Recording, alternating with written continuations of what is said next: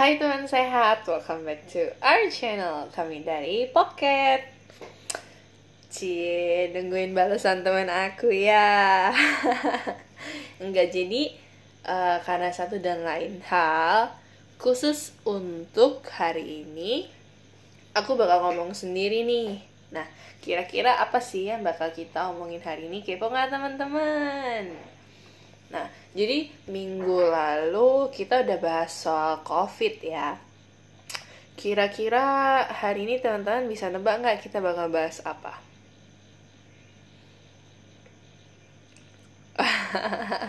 Bingung ya? Uh, kayak kurang clue ya. Jadi hmm, karena uh, kita lagi masa-masa masih masa masih menjalani masa-masa pandemi dan kita masih stay at home ya ini rata-rata semua. Nah kira-kira selama kita quarantine apa sih yang kita lakuin sehari-hari? Sepedaan. Ya ya sepedaan juga sih. Uh, tapi ya sepedaan lagi booming banget kan akhir-akhir ini. Tapi bukan ini cuman hampir bener. Uh, bukan hampir bener apa ya uh, mendekati lah sama jawabannya. Jadi orang sepedaan itu biar apa? Biar ada kerjaan kan, kayak buat olahraga gitu, biar nggak bosen di rumah ceritanya. Nah, uh, orang olahraga tujuannya buat apa nih? Orang olahraga itu tujuannya ada banyak macam-macam. Ada yang buat jaga kesehatan, ada yang buat stay fit, ada juga yang buat diet teman-teman. Jadi kalau dari kata diet poin terakhir itu kita fokusin biasanya orang ngelakuin diet tuh biar apa sih? Biar ngurusin badan biar tambah sehat. Nah uh, biasanya ya rata-rata orang ngelakuin diet itu karena ngerasa diri mereka memiliki berat badan yang berlebihan sedikit Nah, itu yang dinamain dengan overweight. Nah, kalau overweight itu dibiarin terus-terusan kayak gitu, lama-lama bakal jadi apa? Bener banget, teman-teman. Jadi, obesitas. Nah, makanya tadi uh, aku uh, balikin ya yang ke topik minggu lalu, kenapa kita ngomongin COVID. Sekarang lanjutan bahasan dari COVID itu sendiri, itu gimana ya tentang obesitas tuh masih nyambung gitu loh. Karena uh, sama masa pandemi ini kita kan self quarantine gitu ya di rumah masing-masing. Jadi aku yakin aku pun juga ngerasain itu gitu. Uh, teman-teman tuh mungkin pada bosen di rumah nggak tahu mau ngapain. Dan gak dikit gitu loh dari kita dari teman-teman juga pasti ngeluh gitu kayak sama pandemi ini tuh jadi banyak makan ngeluh berat badannya nambah. Teman aku tuh kemarin ada yang nambah sampai 5 kilo gitu katanya. Nah uh, mereka itu kayak kita tuh jadi cenderung makan karena kita ngerasa bosen bukan lagi karena lapar. Jadi kita makan itu kayak semacam ya biar ada yang gerak aja gitu. Tapi mulutnya yang gerak bukan badannya. Nah pas banget nih. Jadi kemarin kemarin karena uh, aku bakal bahas soal obesitas ini aku tuh baca-baca gitu ya soal obesitas. Dan sebelum kita ngobrol dan diskusi lebih dalam lagi jadi sebenarnya apa sih obesitas itu Menurut WHO, obesitas diartikan sebagai keadaan penumpukan lemak yang berlebihan akibat ketidakseimbangan asupan energi dengan energi yang digunakan dalam waktu yang lama, atau dengan kata lain, akumulasi lemak yang berlebihan atau abnormal. Obesitas dapat diketahui dari IMT atau indeks massa tubuh atau kalau bahasa Inggrisnya, bahasa kerennya itu BMI atau Body Mass Index. Obesitas juga merupakan masalah kesehatan yang perlu diperhatikan secara khusus loh teman-teman. Kenapa sih? Kepo nggak? Kepo dong, harus kepo. Jadi orang tuh harus kepo sedikit. Jadi, kenapa obesitas memerlukan perhatian yang khusus karena obesitas memiliki dampak besar terhadap beberapa penyakit kronik degeneratif atau penyakit turunan seperti hipertensi, penyakit jantung, stroke, diabetes, diabetes mellitus tipe 2 serta kelainan tulang. Nah, kalau kita nggak waspada nih teman-teman, bisa bahaya banget tuh efeknya buat tubuh kita sendiri. Jadi, penyebab obesitas tuh apa aja sih? Nah, di sini kita bakal bahas lebih dalam. Banyak banget tau faktor-faktor dari penyebab obesitas itu sendiri. Faktor pertama adalah faktor perilaku. Pola diet atau asupan makan yang kurang sesuai. Jadi mungkin kadang kayak kita kalau mau diet nih, kita ceritanya udah uh, udah uh, berat badannya melebihi normal gitu ya terus kita rencana mau diet tapi kita dietnya ngawur banget. Kayak biasanya kemarin-kemarin kita makan nasi. Nasi satu piring penuh. Terus karena mau diet besoknya kita cut off nasi sama sekali. Kita nggak makan nasi sama sekali. Nah itu tuh yang bahaya teman-teman. Jadi uh, untuk diet kita harus melakukannya secara bertahap dan pelan-pelan. Jadi nggak bisa kayak kemarin kita makan segunung besoknya kita nggak makan sama sekali. Itu yang justru bahaya dan itu yang nggak bak dan dengan melakukan itu itu nggak bakal bisa menurunkan berat badan justru akan jadi bumerang balik buat kita gitu. Itu yang pertama. Yang kedua adalah dengan penggunaan obat. Jadi biasanya di Instagram Instagram atau di media sosial mana pun tuh ya uh, kita sering banget kan ngeliat iklan uh, kalau kita minum obat ini satu minggu langsung turun 5 kilo.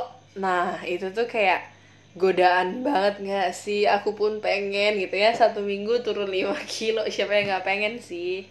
Kayak tapi teman-teman ya namanya obat itu tuh belum tentu udah disahkan oleh uh, pengesah obat aku kurang tahu apa namanya. Pokoknya ada lembaga yang mengesahkan obat kalau obat itu layak dipakai atau enggak. Nah kita nggak tahu kandungan isi obat itu apa aja dan obat itu belum tentu legal untuk dipakai. Terus belum lagi kita tahu efek samping dari obat itu. Meskipun memang uh, kita tuh jadi uh, turun 5 kilo. Kalau aku dengar dari orang-orang yang pernah pakai ya jadi obatnya itu lebih kayak menghilangkan nafsu makan kita. Jadi kita ngerasa kenyang aja padahal belum makan. Nah itu tuh yang bahaya. Jadi kita ngerasa kenyang tapi nggak ada nggak ada nutrisi yang kita serap. Nah tubuh itu perlu nutrisi. Jadi kayak nggak bisa kayak gitu. Jadi kayak meskipun satu minggu turun 5 kilo tuh nggak sehat banget teman-teman. Jadi gitu. Jadi sebisa mungkin hindari penggunaan obat oke? Okay? yang ketiga adalah perilaku hidup kurang sehat. Contohnya kurangnya kegiatan fisik alias mager, males gerak. Kayak aku banget nih. Dan kebiasaan merokok. Orang yang gak rutin olahraga itu memiliki obesitas resiko obesitas sebesar 1,35% lebih besar dibandingkan dengan orang yang rutin berolahraga orang yang rutin berolahraga aku kayak oh my god aku juga kayak ngomongin ke diri sendiri nih. Orang yang rutin berolahraga aja masih bisa beresiko terkena obesitas apalagi orang yang mager banget untuk berolahraga. Jadi yuk teman-teman termasuk aku juga kita belajar untuk nggak mager lagi. Semangat Oke, yang kedua adalah faktor genetika atau keturunan. Ketika seorang anak memiliki orang tua yang menderita kelebihan berat badan, maka kemungkinan besar ia akan mengalami kelebihan berat badan juga sebesar 40% sampai 50%. Jadi ini kayak keturunan aja sih, kayak dari orang tua turun ke anak. Jadi kalau orang tua obesitas, ada kemungkinan besar anaknya juga obesitas juga gitu. Terus yang faktor ketiga yaitu faktor pendukung tambahan dalam masyarakat. Yang pertama adalah lingkungan, makanan dan aktivitas fisik. Kayak tadi, kayak uh, atur pola makan dan aktivitas fisik. Dan lingkungan itu juga membantu. Jadi kalau kita tinggal di lingkungan yang dipenuhi dengan orang-orang yang suka berolahraga ya kita pasti secara nggak langsung bakal ketularan gitu kan.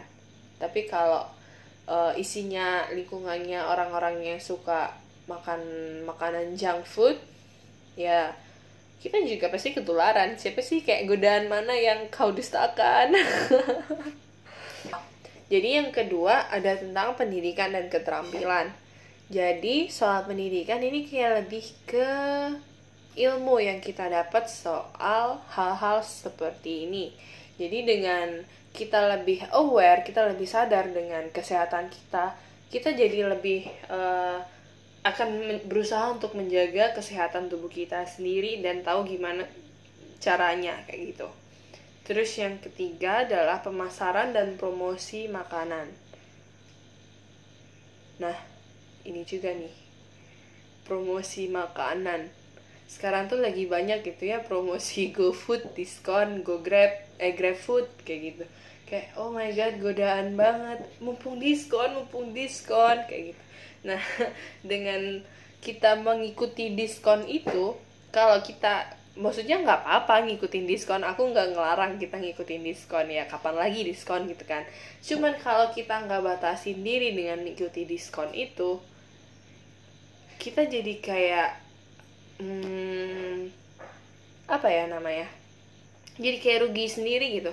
Kita jadi beli makan banyak. Terus kalau nggak dimakan sayang kalau basi. Jadi kadang terpaksa dimakan dan ujung-ujungnya ya kekenyangan gitu. Nah itu yang perlu dihati, uh, diperhatikan lagi teman-teman. Dan harus hati-hati dan bisa membatasi diri. Karena kita tak kita yang tahu sendiri uh, ambang batas kita sampai mana, limit kita sampai mana, dan kita sendiri yang bisa uh, nyetop diri sendiri juga. Dan teman-teman juga harus hati-hati ya karena setelah lama kita work from home alias WFH, teman-teman jangan lupa buat tetap jaga lifestyle-nya ya. Uh, harus tetap jaga pola makan dengan makan secukupnya, minum yang cukup, olahraga rutin. Jadi meskipun di rumah aja harus selalu menerapkan hal itu. Oke? Okay? Oke, oke, oke, oke. Nah, untuk teman-teman yang mungkin kehambat olahraganya karena biasanya mungkin pergi olahraganya lari di lapangan gitu ya atau mungkin uh, workout a gym gitu. Nah, teman-teman uh, mungkin agak susah ya karena uh, di gym juga banyak orang, di lapangan juga banyak orang, sedangkan uh, suasana masih kayak gini. Tapi jangan sampai teman-teman jadiin itu sebagai alasan teman-teman untuk stop olahraga. Karena ada loh olahraga yang bisa dilakuin di rumah tanpa alat sekalipun. Jadi bisa nih teman-teman kayak uh, squat, push up, sit up, dan gerakan-gerakan yoga yang lain mungkin plank itu plank itu berat banget. Karena kalau teman-teman membiarkan alasan itu tuh jadi penghambat teman-teman untuk berolahraga dampak dan resiko dari obesitas ini tuh bisa semakin mendekat teman-teman. Jadi ini tuh bahaya banget. Nah apa aja sih dampak dan resiko dari obesitas ini?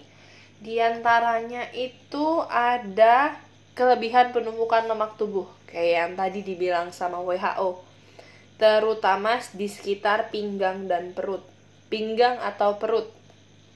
Yang kedua adalah napas yang tersengal-sengal. Jadi kayak sesek aja kayak nggak sesek sih kayak apa ya kayak ngos-ngosan gitu. Yang ketiga berkeringat. Berkeringatnya lebih dari biasanya yang keempat, ada mendengkur atau ngorok sewaktu tidur. Yang kelima, ada sulit tidur. Dan yang terakhir, ada masalah kulit.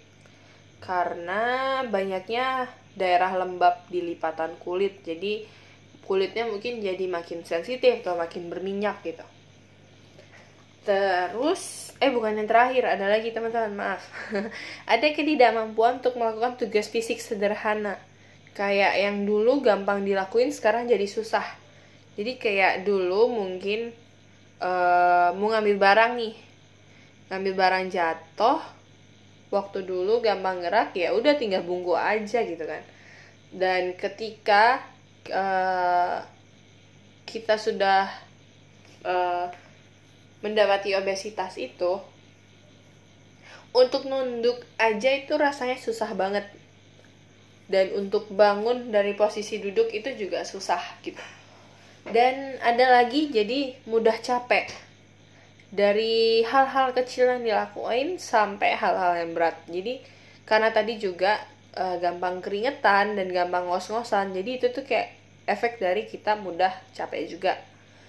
Terus ada nyeri yang umumnya dirasakan di punggung dan sendi karena mereka harus menahan beban tubuh kita dan selain itu ada juga nih dampak psikologis yang bisa kita rasakan. Kita jadi merasa nggak berharga karena mungkin takut dari omongan orang ke kita atau penilaian orang terhadap kita. Terus kita juga bisa jadi depresi kita jadi ngerasa insecure. Kita udah bahas insecure. Nih dari obesitas bisa merasa bikin kita merasa insecure dan kita juga bisa jadi mengisolasi diri dari lingkungan sosial nah uh, Tadi kan aku udah bahas ya soal penyakit turunan gitu kalau kita kena diabetes, uh, diabetes, kena obesitas. Jadi contohnya kayak hipertensi, gagal jantung, diabetes dan lain-lain. Nah, sebentar lagi aku mau bahas nih satu-satu tentang penyakit-penyakit itu sendiri dan kenapa obesitas bisa mengakibatkan ini semua. Jadi yang pertama adalah hipertensi. Nah, obesitas sendiri adalah salah satu faktor risiko dari hipertensi loh teman-teman sehat. Kok bisa sih? Bisa dong, karena lemak di dalam tubuh yang berlebihan bisa menyumpat pembuluh darah kita. Hasilnya aliran darah dalam tubuh kita tuh jadi nggak lancar gitu karena disumbat kan oleh lemak tadi. Jadi volume darah itu tinggi tapi pembuluhnya sempit dan kesumbat meningkatkan tekanan darah jadi tinggi deh gitu jadi teman-teman harus hati-hati dengan hal ini semua. Terus yang kedua ada resiko gagal jantung. Kok bisa sih? Jadi ini masih nyambung nih sama hipertensi tadi. Pembuluh darah jantung yang tersumbat oleh lemak itu akan membuat uh, pembuluh uh, kita hipertensi. Dan jika hipertensi itu berlangsung terus-menerus, itu tuh akan membuat jantung kesulitan untuk mendapat nutrisi yang cukup dari darah. Sehingga kerja jantung akan melemah sampai parahnya bisa menyebabkan gagal jantung teman-teman. Serem banget ya sih? Serem banget. Yang ketiga ada diabetes mellitus tipe 2 atau penyakit gula. Nah, lemak yang berlebihan di dalam tubuh itu dapat menumpuk di dalam otot dan menghalangi pintu untuk masuknya uh, gula sehingga gula itu nggak bisa masuk ke dalam otot dan malah terakumulasi di dalam darah. Selain itu, penumpukan lemak juga bisa terjadi di dalam pankreas nih teman-teman. Uh, atau organ tubuh yang menghasilkan hormon insulin. Lalu lama-kelamaan hal ini tuh akan menyebabkan rusaknya pankreas sehingga tidak bisa bekerja dengan baik dan nantinya nggak bisa mengeluarkan hormon insulin dengan cukup. Makanya, eh, penderita diabetes mellitus tipe 2 itu perlu menyuntikkan diri mereka dengan suntikan insulin. Yang keempat, ada stroke. Jadi, ini tuh kayak masih nyambung gitu ya satu sama lain. Dari hipertensi, itu tuh bisa ke mana-mana gitu alurnya dan ketika lemak itu menyumbat pembuluh darah itu tuh juga menyumbat pembuluh darah di otak kita dan menghambat jalannya nutrisi dan oksigen yang otak kita butuhkan. Hingga hal itu menyebabkan kegagalan saraf di otak untuk mengatur berbagai hal di tubuh kita. Akibatnya, seseorang itu dapat menderita stroke atau kegagalan tubuh dalam melakukan fungsinya seperti berjalan, menggerakkan lengan, berbicara, ataupun memahami sesuatu hal. Serem banget gak sih teman-teman? Serem banget lah, gila, ih serem banget. Nah, aku yakin kita semua tuh nggak mau uh, jadi punya dampak dan risiko yang serem-serem kayak gini. Pasti kita mau hidup kita sehat-sehat senantiasa dong ya. Pasti dong, amin dong, amin. Mana amin ya? Amin. nah, gimana nih caranya untuk mencegah kita supaya nggak obesitas? Yuk, kita simak penjelasan berikut ini. Jadi yang pertama adalah caranya dengan menilai berat badan kita. Sebelum menentukan kegiatan apa yang dibutuhkan, coba nih kita nilai dulu berapa IMT atau BMI kita dan lingkar pinggang kita siapa tahu ternyata kita nggak berlebihan berat badan. Sebelum menentukan kegiatan apa yang dibutuhkan, coba nih kita hitung dulu berapa IMT atau BMI kita. Nah, gimana sih cara ngitungnya? Jadi, cara ngitungnya tuh gampang banget. Gampang banget. Yang kita perlu siapkan hanyalah kalkulator. Dan kita tahu tinggi kita berapa, berat badan kita berapa. Jadi caranya itu gini. Kita cuma perlu menguadratkan diri kita dalam satuan meter. Contoh ya, tinggi aku itu 160 cm. Kalau dijadiin meter berarti jadinya 1,6 ya. Dan itu harus dipangkatin 2. Jadi 1,6 dikali 1,6. Hasilnya jadi 2,5 2,56. Nah, untuk berat badan aku sendiri itu 60 jadi selanjutnya berat badan aku dibagi sama hasil hitung tinggi aku tadi.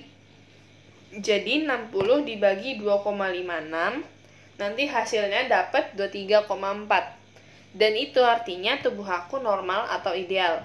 Nah indeksnya ini berapaan sih jadi kalau hasil yang kita dapat di bawah 18,5 itu tandanya kita underweight atau terlalu kurus. Kalau hasil yang kita dapat 18,5 sampai 25 itu artinya berat badan kita normal atau ideal. Jadi sehat gitu. Dan kalau 25 sampai 30 itu artinya kelebihan berat badan. 30 sampai 35 artinya obesitas dan 35 ke atas artinya ekstrim obesitas. Jadi sebelum kita memulai untuk merencanakan diet-diet diet, kita harus tahu nih BMI kita berapa. Yuk hitung dulu teman-teman. Ditungguin, ditungguin jangan, jangan. Hitungnya nanti aja. kita lanjut dulu. Yang kedua ada pilihlah apa yang kita makan. Makanan sehat adalah kunci untuk mendapatkan berat badan sehat. Kita harus membiasakan diri kita untuk membaca tentang informasi nutrisi dalam kemasan makanan yang kita beli. Biasanya ada tuh kan kayak uh, ingredientsnya, proteinnya berapa, gulanya berapa persen, kayak gitu-gitu. Nah, kita harus membiasakan membaca informasi nutrisi itu dalam kemasan makanan yang kita beli nih teman-teman. Lalu kita sesuaikan dengan kebutuhan kalori kita setiap hari. Untuk mempermudah kita menurunkan berat badan, cobalah untuk menghindari makanan-makanan yang berkalori tinggi kayak coklat, gula, permen, soft drink soft drinks tuh uh, banyak banget.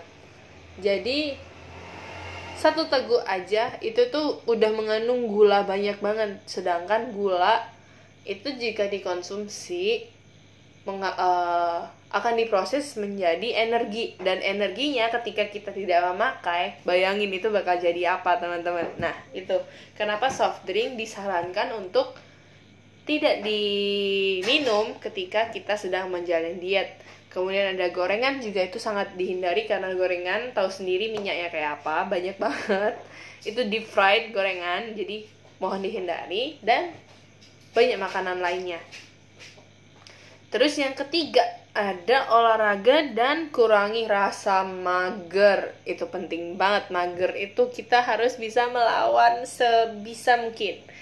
Lagi-lagi olahraga itu penting banget. Apalagi saat harus di rumah aja di masa pandemi kayak gini itu penting banget, krusial banget. Kurangi beberapa kegiatan yang kurang dinamis ya teman-teman sehat Contohnya kayak nonton TV seharian, rebahan seharian. Aku banget nih nonton rebahan seharian, mainan HP itu kayak aku banget gitu. Karena kapan lagi negara memfasilitasi kita dengan rebahan di rumah gitu. Parah banget, gak boleh, gak boleh, jangan ditiru. cobalah berolahraga meskipun kita ada di dalam rumah. Aku akan coba ini teman-teman juga harus ikut coba. Misalnya dengan melakukan senam atau beberapa gerakan workout. 10 menit aja cukup kok satu hari. Sebenarnya dianjurin 30 menit, tapi sa satu hari aja. Coba dalam satu minggu pertama 10 menit. Itu udah bantu banget.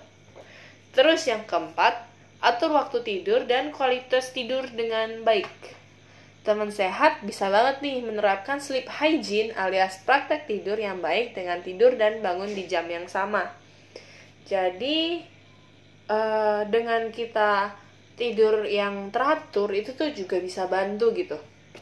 Dan hindari penggunaan gadget sebelum tidur karena penggunaan gadget sebelum tidur akan menghalangi kita untuk tidur. Percaya deh, itu bakal menghalangi kita untuk tidur karena ngantuknya jadi hilang. Terus hindari makan makanan berat sebelum tidur. Karena kalau kita makan itu kan kayak kita mengonsumsi energi gitu ya dalam tubuh kita. Tapi ternyata energinya nggak kita pakai dan kita pakai tidur. Jadi ya ya bisa bayangin dong energinya kalau nggak dipakai bakal jadi apa? Nah, terakhir yaitu dengan membuat suasana tidur yang nyaman biar kita bisa tidur nyenyak.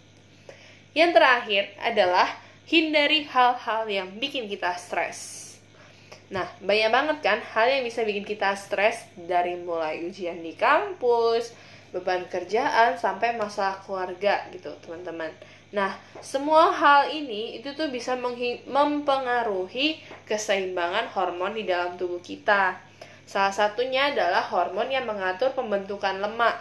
Sehingga pada akhirnya kalau hormon itu terganggu itu dapat menyebabkan penumpukan lemak yang ada di dalam tubuh, teman-teman. Oh, kece nggak sih? Kece dong. Tapi bentar dulu, belum selesai. Ada yang terakhir banget nih, terakhir. Tadi kan sarannya buat mencegah ya, mencegah terjadinya obesitas dini. Tapi kalau misalkan kita lagi di kondisi yang menurut teman-teman obesitas dan menurut hitungan BMI dibilang tergolong obesitas, ada nggak sih tips and tricks untuk menangani atau memperbaiki itu semua? Ada dong. Jangan takut, jangan takut. Ini tuh kayak bukan istilah nasi sudah terlanjur menjadi bubur. Enggak. Ini tuh bisa diperbaiki, teman-teman. Jadi jangan patah semangat karena ada cara yang bisa kita ikutin, yaitu dengan cara satu, konsumsi sayur dan buah-buahan. Sayuran dan buah-buahan, seperti yang kita tahu, itu memiliki kadar air yang tinggi, vitamin, mineral, dan serat yang tinggi, teman-teman.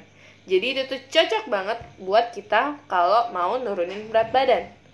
Selain itu, serat dalam sayur bikin kita tuh merasa kenyang lebih lama daripada kita makan makanan biasanya. Tapi ingat ya teman sehat, mengonsumsi serat itu nggak boleh lebih dari 25 gram per hari. Jadi emang ya yang berlebihan tuh nggak pernah baik karena kalau berlebihan itu tuh bisa menyebabkan penyakit saluran pencernaan, kembung, timbul gas, dan menghambat penyerapan gizi. Yang kedua adalah dengan mengurangi konsumsi fast food. Goodbye McD, goodbye McFlurry. jadi fast food tuh sebenarnya kayak udah jadi hal favorit gitu ya buat kita. Padahal dia ini kayak jenis makanan dengan kandungan kalori dan lemak jenuh yang tinggi banget. Dusta mana sih yang kalian dustakan? Kulit crispy McD KFC oh my god aku nggak bisa banget itu kayak uh, surga dunia tapi dampaknya pun juga wow parah banget berat badan itu akan mudah meningkat menjadi tidak ideal. Dan inilah pemicu terjadinya obesitas. Jadi say goodbye to McD, KFC, Wendy's, um, Burger King dan ya banyak lah Pizza Hut Domino's eh, kalau disebutin nggak selesai-selesai. Jadi kayak ya begitulah tahu sendiri kan uh, junk food yang mana aja yang ketiga adalah dengan mengurangi konsumsi soft drink kayak yang tadi aku bilang Soft drink atau minuman ringan mengandung tinggi fosfor, di mana zat ini dapat menyebabkan penurunan kepadatan tulang. Jadi teman-teman sehat harus ingat ya, soft drink itu nggak pernah menghilangkan rasa haus. Karena soft drink itu bukan air yang diperlukan oleh tubuh.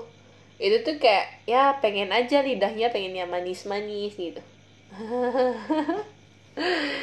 Jadi perlu denger-denger janji-janji manis nih kayaknya biar denger biar ngerasainnya manis-manis.